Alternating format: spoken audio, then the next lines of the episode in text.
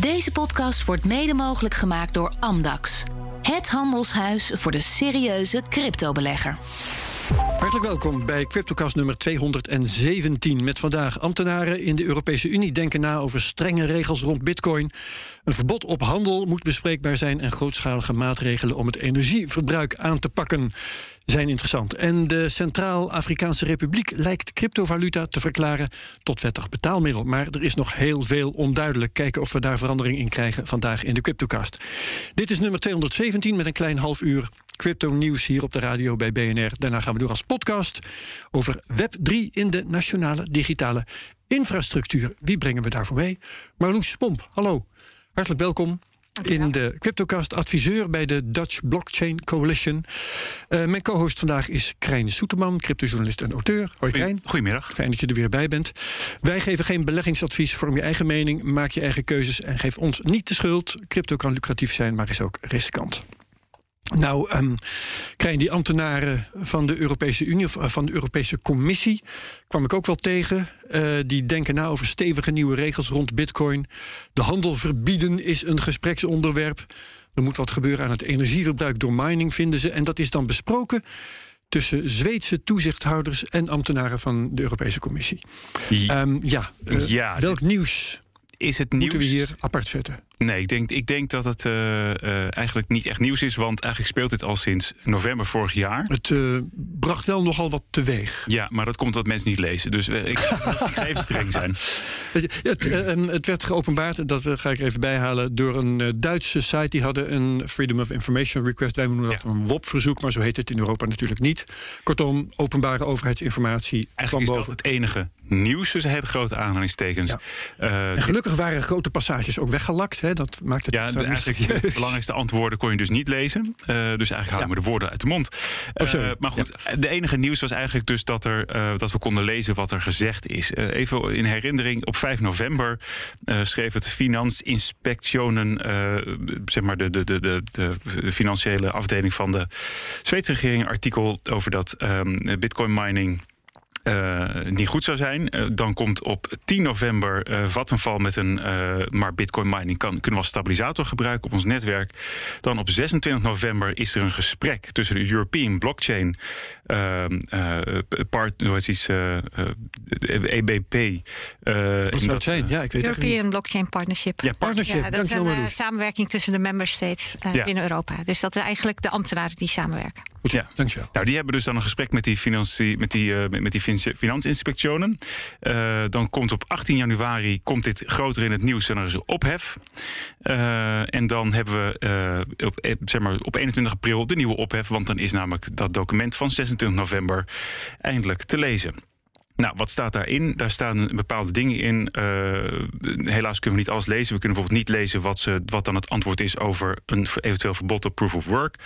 Um, maar er staat wel uh, dat Ethereum begon met de overgang naar proof of stake vanwege zijn uh, gemeenschap. Dat, en dat, dat het community. Ook, via de community. En dat het ook via de Bitcoin community geregeld zou kunnen worden.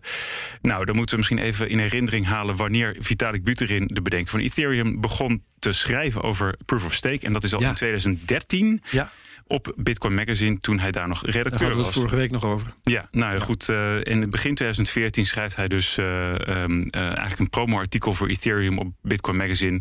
En daar heeft hij het ook al over. Ja, we onderzoeken proof of stake als mogelijke andere consensusmechanismen. En misschien kijken we ook wel naar de andere consensusmechanismen, maar daar hebben we nog niet over nagedacht. Nou, dat was eigenlijk even de geschiedenis. Ja. En dan kunnen we dus ons afvragen, wat weten we nu? Nou, we weten ja. dus nu alleen maar dat, dat men uh, duidelijk uh, niet weet hoe Ethereum naar proof of stake zou willen gaan. als het überhaupt ooit nog gebeurt binnen de komende jaren. Uh, Bitcoin bedoel je, hè? Want Ethereum gaat naar proof of stake. Ja, dat, dat wacht eerst zien, dan geloven. Oh, op die manier. Nou, goed, goed oké. Okay. Um, maar Loes, dit soort dingen zijn dus gespreksonderwerpen op, nou, laat ik maar even zeggen, gemakshalve op Europees niveau. Um, jij bent ervaren in het uh, overleggen met uh, overheden als het gaat om, um, om bitcoin, om blockchain, technologie. Herken je hier dingen in? Nou, allereerst dat het denk ik geen nieuws is. Uh, kijk, Europese wetgevingsprocessen duren, duren gewoon heel lang. Uh, en daar hoort ook zo nu en dan debat bij. Dat is denk ik alleen maar heel goed. En ik denk niet dat dat reden is voor de cryptogemeenschap om meteen dan weer. Uh, in de hoogste boot te zitten. Ja, nee, zo, dat hoeft niet. Het is denk ik alleen maar goed dat dat debat er is. En het punt van het energieverbruik is natuurlijk een goed punt. Alleen de discussie is denk ik niet de juiste discussie. Je kunt het wel verbieden. maar het zou beter zijn om te kijken van hey, kunnen we in Europa, de VS, dit niet omarmen en juist stimuleren dat zoveel mogelijk groene energie gebruikt wordt. Dat we kijken naar andere alternatieve oplossingen, wat ook al in de gemeenschap gebeurt met de layer 2's. Uh, ik denk dat dat uh, een betere route zou zijn dan een uh, verbod. Maar laten we zien waar, waar we op uitkomen. Ik denk niet dat we daarop eens zijn. En ik denk wel dat een overheid het moeilijk kan maken voor burgers om nou, bijvoorbeeld bitcoin te blijven gebruiken. Maar het helemaal verbieden, dat, dat zie ik ook niet zo snel gebeuren. Nee. Uh, ben jij het daarmee eens, Krijn? Nou, het lijkt, me, het lijkt me evident dat je bitcoin technisch niet kunt verbieden. Mm. Uh, je kunt natuurlijk inderdaad de, de on- en off maar wel moeilijk maken, heel erg lastig uh, maken. Ja, en dat is precies wat je zegt. Ja. Maar bijvoorbeeld, er, iemand zei ook, er is een, uh, een of andere tender... en dan kan ik natuurlijk net van steden in over... hoe kunnen we onze, onze um, duurzame energie balanceren in Nederland. Want we hebben heel vaak problemen met te veel duurzame energie.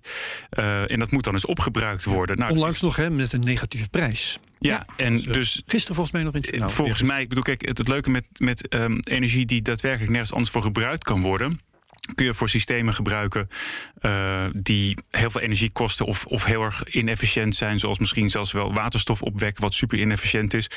Maar ja, dat, uh, je kunt een bitcoin miner zet je in drie minuten neer, bij wijze van spreken, maar een waterstoffabriek die moet kunnen werken op, op stroom die even over is. Ja, dat is wel echt lastig om neer te zetten. Dus ik denk dat ze niet uh, de, zeg maar het kind met het badwater weg moeten gooien voordat je er echt over nagedacht hebt. Ja, Oké, okay, dus uh, A, geen nieuws en B, de dingen waar ze het over hebben, die zijn eigenlijk uh, niet goed uitvoerbaar. Nog een verbod op bitcoin, nog een verbod op proof of work. Um, misschien een mooi moment om naar uh, Bert Slachter te gaan, analist bij de digitale nieuwsbrief Bitcoin Alpha. Hallo Bert. Goeiedag. Um, heb jij dit non-nieuws ook al voorbij horen komen? Waarschijnlijk wel. Ja, zeker. Ja, en al uitstekend behandeld door Meloes en Krijn. Ik denk één ding nog interessant om eraan toe te voegen: dat uh, Patrick Hansen, dat is degene die eigenlijk de MICAR-wetgeving um, heel erg nauw volgt en ook elke keer verslaat met draadjes die tienduizenden keren gelezen. Ja, de staande nieuwe cryptoregulering uh, in Europa. Klopt. En hij zegt dat deze discussies waar het nu over gaat, dus tussen, met, Zweden en, en ook andere discussies die nu openbaar worden, dat die uh, expliciet in het kader van de MICA-wetgeving, of eigenlijk de, de conceptteksten die ontwikkeld zijn in de afgelopen maanden, dat die in die, dat kader gevoerd zijn. En um, dat het feit dat daar nu een, een concepttekst uh, ligt waarover gestemd is, ook betekent dat die discussies um, nu, er nu niet meer toe doen. He, die zijn eigenlijk verwerkt in al die amendementen die zijn ingebracht. Ja, ja. Daar is over gestemd. En wat er nu ligt, dat is het. En die discussies die gaan daar dus niks meer aan veranderen. Misschien toekomstige discussies wel, uh, maar niet wat er nu bekendgemaakt wordt. Dus het is terecht, is het uh, non-nieuws of clickbait journalisme, hoe je het wil noemen. Ja, dus het was uh, inderdaad een discussie uh, van voor die, de, de vaststelling van die regelgeving en daardoor niet relevant meer. Um, goed, de prijzen, Bert. Uh, er was uh, wat onrust op de financiële markten. Uh, rente, aandelen bewogen allemaal nou ja, moeilijke kanten op, zeg maar. Crypto ging mee, dus leg uit. Ja, we moeten het daar denk ik gewoon eens even even over hebben hoe, hoe, het nou, hoe het nou zit, wat er nou aan de hand is. Kijk, die inflatie is ontzettend hoog geworden hè, door, door de oorlog, ja. door de grondstoffencrisis, energiecrisis, voedselcrisis die daaruit volgen. Um, en de Amerikaanse centrale bank, die, die is eigenlijk um, ja, verplicht, voelt hij zich om daar iets mee te doen. Die heeft namelijk een mandaat wat uit twee delen bestaat, namelijk zorgen voor stabiele prijzen en zorgen voor maximale werkgelegenheid. Nou, ruim, het, het, het ruime monetaire beleid minder ruim maken. Dat helpt om die inflatie te beteugelen. Dat ja. is de, de, de heersende gedachte. Dus hogere rente, einde van opkoopprogramma's. Normaal gesproken, hè, vaak wordt inflatie veroorzaakt door oververhitte economie. Heel veel vraag. Iedereen wil tegelijk iets kopen. En dan helpt dat verkrappen heel snel. Maar nu is het, nu is het anders. Hè. Dus die inflatie wordt veroorzaakt door problemen met het aanbod. En dan is verkrappen veel minder effectief. En dat werkt eigenlijk pas ja, als je dat heel stevig doet, doordat mensen armer worden en daardoor voorzichtiger en daardoor minder gaan kopen. Ja. Dat, dat, is eigenlijk wat ze nu zien, wat ze nu voor zich zien. Van nou ja, um, wij, wij gaan dus zorgen dat de aandelenmarkten omlaag gaan, dat vastgoed omlaag gaat, dat, dat, dat uiteindelijk daardoor die vraag daalt. En dat kunnen we doen zolang de economie niet in een recessie komt, want dan pas gaat de werkloosheid oplopen en dan pas komen ze in de knoei met hun mandaat. En nu wordt het spannend. De financiële markten vragen zich af hoe ver gaat de VS dan die renteverhogingen? Gaan andere landen mee? Um, wat is het effect op de dollar? Wat is het effect op de financiële markten? Gaan die crashen? En wat is het effect op de cryptomarkt in het bijzonder? Dit is om, om, om dit even anders te verwoorden. Dit is uh, on, onverkend gebied, hè? uncharted territory. Klopt. Dus de, bijvoorbeeld de, de, de 30-jarige hypotheekrente, 30 jaars hypotheekrente in de VS is nog nooit zo snel gestegen als nu. Van onder de 3% naar boven de 5% in een paar maanden. Er zijn hele nieuwe dynamiek. De dollar wordt heel veel sterker. De euro, de yuan, die wordt allemaal zwakker. En al die bewegingen. Nou, dat is dus wat je ziet op de financiële markten. Dat de markten zich voortdurend aan het aanpassen zijn in al die nieuwe informatie die er elke week weer komt. En, dat, en, en, en dat is de reden dat wij ook, hè, als we naar de cryptomarkt kijken ja, zeggen van um, al die omstandigheden, die weersomstandigheden die je daar ziet, die wegen nu veel zwaarder. En, volgende week is er weer een rentebesluit van de Fed. Ja, daar kijken we dan weer naar. Ja, en in deze condities, ja, dan, dan bewegen de markten allemaal met elkaar mee. En dan zie je dus ook dat Bitcoin en, en de Nasdaq bijvoorbeeld, dat die heel erg tegelijk bewegen. Ja, doordat die, die wind die waait en iedereen wordt naar links of naar rechts geslingerd. Dat is eigenlijk wat we, wat we zien gebeuren. En, en ik moet eerlijk zeggen, ik vind eigenlijk best bijzonder dat een, een asset class, hè, de crypto, die door veel professionele beleggers als uiterst risicovol wordt gezien, ja. zo goed overeind blijft. Ik wou je dan net, net, dat net gaan vragen, want dat heb je, dat heb je wel vaker gezegd. Maar uh, inderdaad, met al die onrust blijft uh, Bitcoin nog behoorlijk stabiel. Je had net zo goed uh, 50% kunnen zakken of zo. Nou, precies, ja. Ja, oké, okay, dan hebben we dat vastgesteld. Ja, ja. Uh, en, en uh, het verband, jij noemde dat al, tussen de Nasdaq en Bitcoin. Um, ja, dat, dat uh, is er, dat vertoont zich nu al, ja, ik, ik, weet niet precies hoe lang, maar um, blijft dat zo? Is er een goede reden daarvoor? Ja, dus eigenlijk sinds begin van 2020 is dat verband vrij sterk. Het is veel minder sterk dan tussen verschillende aandelenindexen. Dat, dat, is, dat is bijna 100% correlatie. Dat, bij Bitcoin fluctueert dat nog wel eens. Maar het is wel vrij sterk. En het zou kunnen dat het in de toekomst verbroken gaat worden, die verbinding. En dat, dat zou dan betekenen dat de, um, de, de vraag en aanbod bij Bitcoin om een andere reden dan bij de, bij de aandelenmarkten tot stand komt. En dat zou kunnen doordat steeds meer mensen naar bitcoin stappen vanwege de devaluatie van hun munt, vanwege hoge inflatie, ja. vanwege diversificatie. En zo interessant, Gemini heeft een onderzoek gedaan naar 30, onder 30.000 volwassenen in 20 landen. Dat doen ze elk jaar. En daar blijkt ook dat in landen waar de munt heel snel devalueert, dat daar de interesse en de kennis in in crypto, als je kijkt naar crypto, heel veel groter is. Ja. En dat ook in landen, eh, eh, dus zeg maar in werelddelen waar de munten eh, over het algemeen genomen zwakker zijn, een veel hoger percentage bitcoin ziet als bescherming tegen inflatie. En als je dat dan even doortrekt, dat als in, in steeds meer landen die inflatie oploopt, als in steeds meer landen munten in de knel komen, ja, dan zou dat kunnen betekenen ja, dat, dat, dat, dat bitcoin anders dan aandelen gezien gaat worden ook als een soort bescherming mechanisme. En dat zou een ontkoppelingsmoment kunnen zijn. ik zag het bijvoorbeeld, ik luisterde van de week een podcast met Jeroen Blokland. Hè, dat is, die was bij Robeco, Robeco ja. uh, analist. Ja, en die vertelde van, ja, weet je, in deze, deze tijd is het goed om in je portfolio ook real assets te hebben. En dat is bijvoorbeeld vastgoed, dat zijn grondstoffen, dat is goud. En hij noemt daar ook bitcoin bij. En dus even zo'n signaal van, ah, interessant. En dus als mensen in deze periode uh, hun, hun, hun, hun, ja, hun, portfolio anders indelen, dan zou bitcoin daar in de toekomst anders dan tech-aandelen onderdeel van kunnen worden. Ja, zeker. Die Blokland die was ook bij Robeco nog toen Robeco zei... Um, ja, een procentje bitcoin of zo in je portfolio kan helemaal geen kwaad. We doen het alleen niet zelf. Zeker. Ja, ja. Oké, Bert Slachter, uh, dankjewel voor je commentaar. Meer details vind je in de wekelijkse nieuwsbrief op bitcoinalpha met ph.nl gaan we hier in de studio verder met um, crypto-nieuws. En ja, dat uh, was toch wel een heel bijzonder bericht van de week dat de Centraal-Afrikaanse Republiek Bitcoin zou uh, adopteren. En um, alle andere cryptovaluta trouwens ook als wettig betaalmiddel. Dat melden. Dat is een hele merkwaardige geschiedenis. Forbes Monaco. Krijn, ik uh, geef jou het woord om dit even samen te vatten. Ja, uh, bij dit soort nieuws ga ik zelf altijd eerst even zoeken van waar komt het in godsnaam vandaan. Ja. En als je dan de Franstalige media dat pakt, dan kom je iets meer informatie tegen. En dat heb, ben, ik, ben ik niet de enige die dat gedaan heeft. Um, de, de, de Centraal-Afrikaanse Republiek zou dus uh, bij monden van uh, de minister van Financiën en de minister van Digitale Economie een voorstel hebben gedaan om uh, van cryptovaluta, dus cryptovaluta, alle cryptovaluta, een legal tender te maken. Maar ja. dat werd dan ook weer weersproken in andere plekken. Um, en het nieuws was heel erg dun, hè? Want ja. het, alles wat je kon vinden, ik geloof drie bronnen. En die uh, verwees allemaal naar elkaar. Iedereen, ja, iedereen citeerde dezelfde bronnen op Twitter en verwees weer door naar weer diezelfde bronnen. En ja. het was niet duidelijk. Nou, kijk, ik moet zeggen, als ik dit soort dingen dan tegenkom, dan kun je gaan denken van, goh, wat is hier nou een van de redenen achter? We hadden het hier voor de uitzending ook nog even over. Zou, um, zou men kunnen proberen een soort van El Salvador-effect te willen kopiëren? Dat er misschien meer toerisme komt. Nou, ja. Toerisme in de Centraal-Afrikaanse Republiek bestaat momenteel vooral uit uh, tussen grote aanhalingstekens toerisme. Dat is vooral stroperij. En er worden dan bosolifanten geschoten en uh, bushmeat uh, buitgemaakt. dat soort zaken. Nou, ik denk niet dat dat het type toerisme is waar ze dan direct op zitten te wachten. Mm, maar het is natuurlijk een.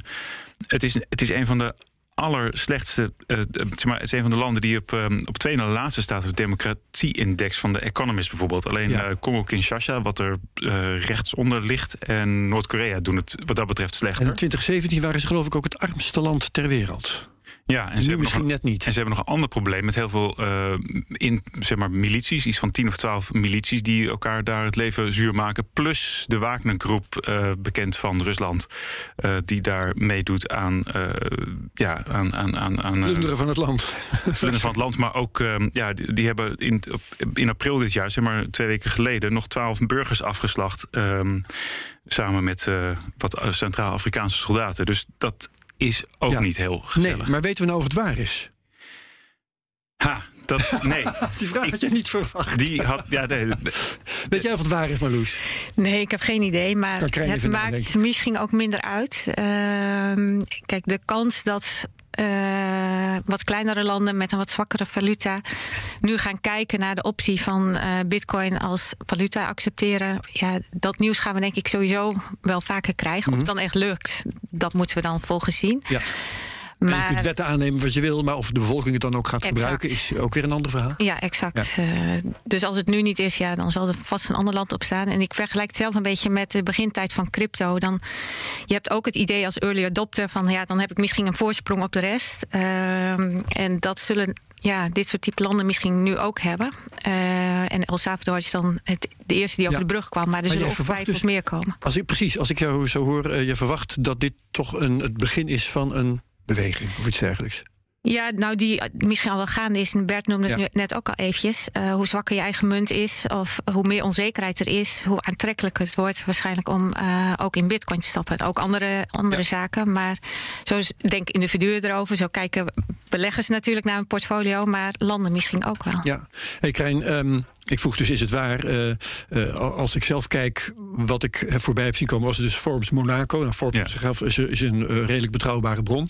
Um, wat daarin stond, oké, okay, Bitcoin, wettig betaalmiddel enzovoort, is uh, niet weerlegd. Nee. Um, ik zag net een stuk uit de Bitcoinist. Um, dat begint met de zin: Did not um, accept Bitcoin as legal tender. En in het hele vervolg bleek eigenlijk weer van wel. Ja, volgens mij dus is dat voor mij gewoon wordt meer, het steeds meer waar hoor. Meer om duidelijk te maken van: uh, het gaat niet alleen om Bitcoin, het ging om cryptovaluta in het algemeen. En aan het ja. eind van het stuk van de Bitcoin is, staat ook nog eens een keer heel gezellig um, dat je dat iedereen, uh, any economic agent is required to accept cryptocurrencies as a form of payment. En als je dat niet doet, dan kun je uh, tot 20 jaar naar de Nor moeten. Nou ja, dat zijn ook al niet kinderachtig. Ik weet niet helemaal precies. Uh, ja, dit, dit, dit soort berichten blijft gewoon lastig als je niet echt iemand hebt kunnen spreken. We hebben geprobeerd. En dat is het probleem, want er zit niemand. Nee, we hebben geprobeerd de ambassade te bellen ja. uh, in andere plekken, maar ja, ja, we hebben een oproep gedaan op Twitter en daar kwam eigenlijk ook niks bruikbaars uit. Nee. Niks wat we niet al wisten, niet al waren tegengekomen. Ja. Dus uh, nou, nogmaals een oproep mensen die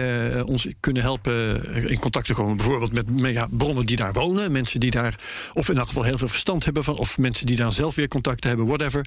als iemand ons aan echte originele informatie kan helpen, heel graag. Goed.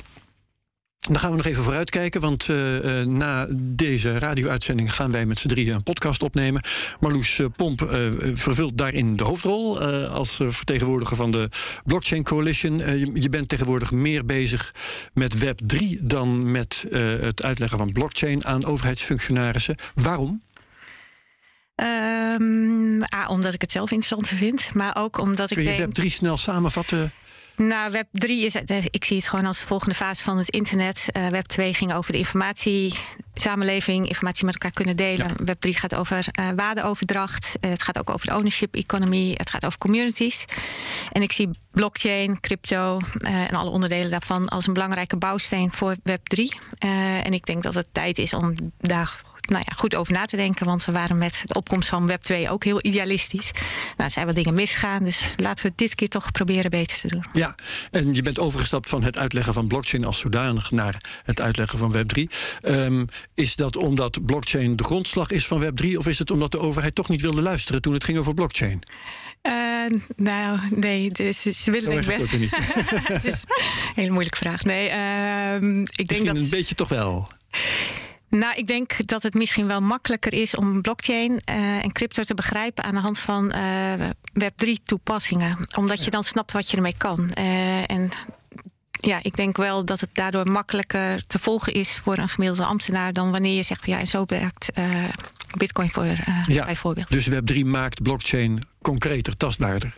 Ja, en dat gaat denk ik zowel de overheid, maar ook ja, je ziet alle corporates toch experimenteren met hun rol in Web3.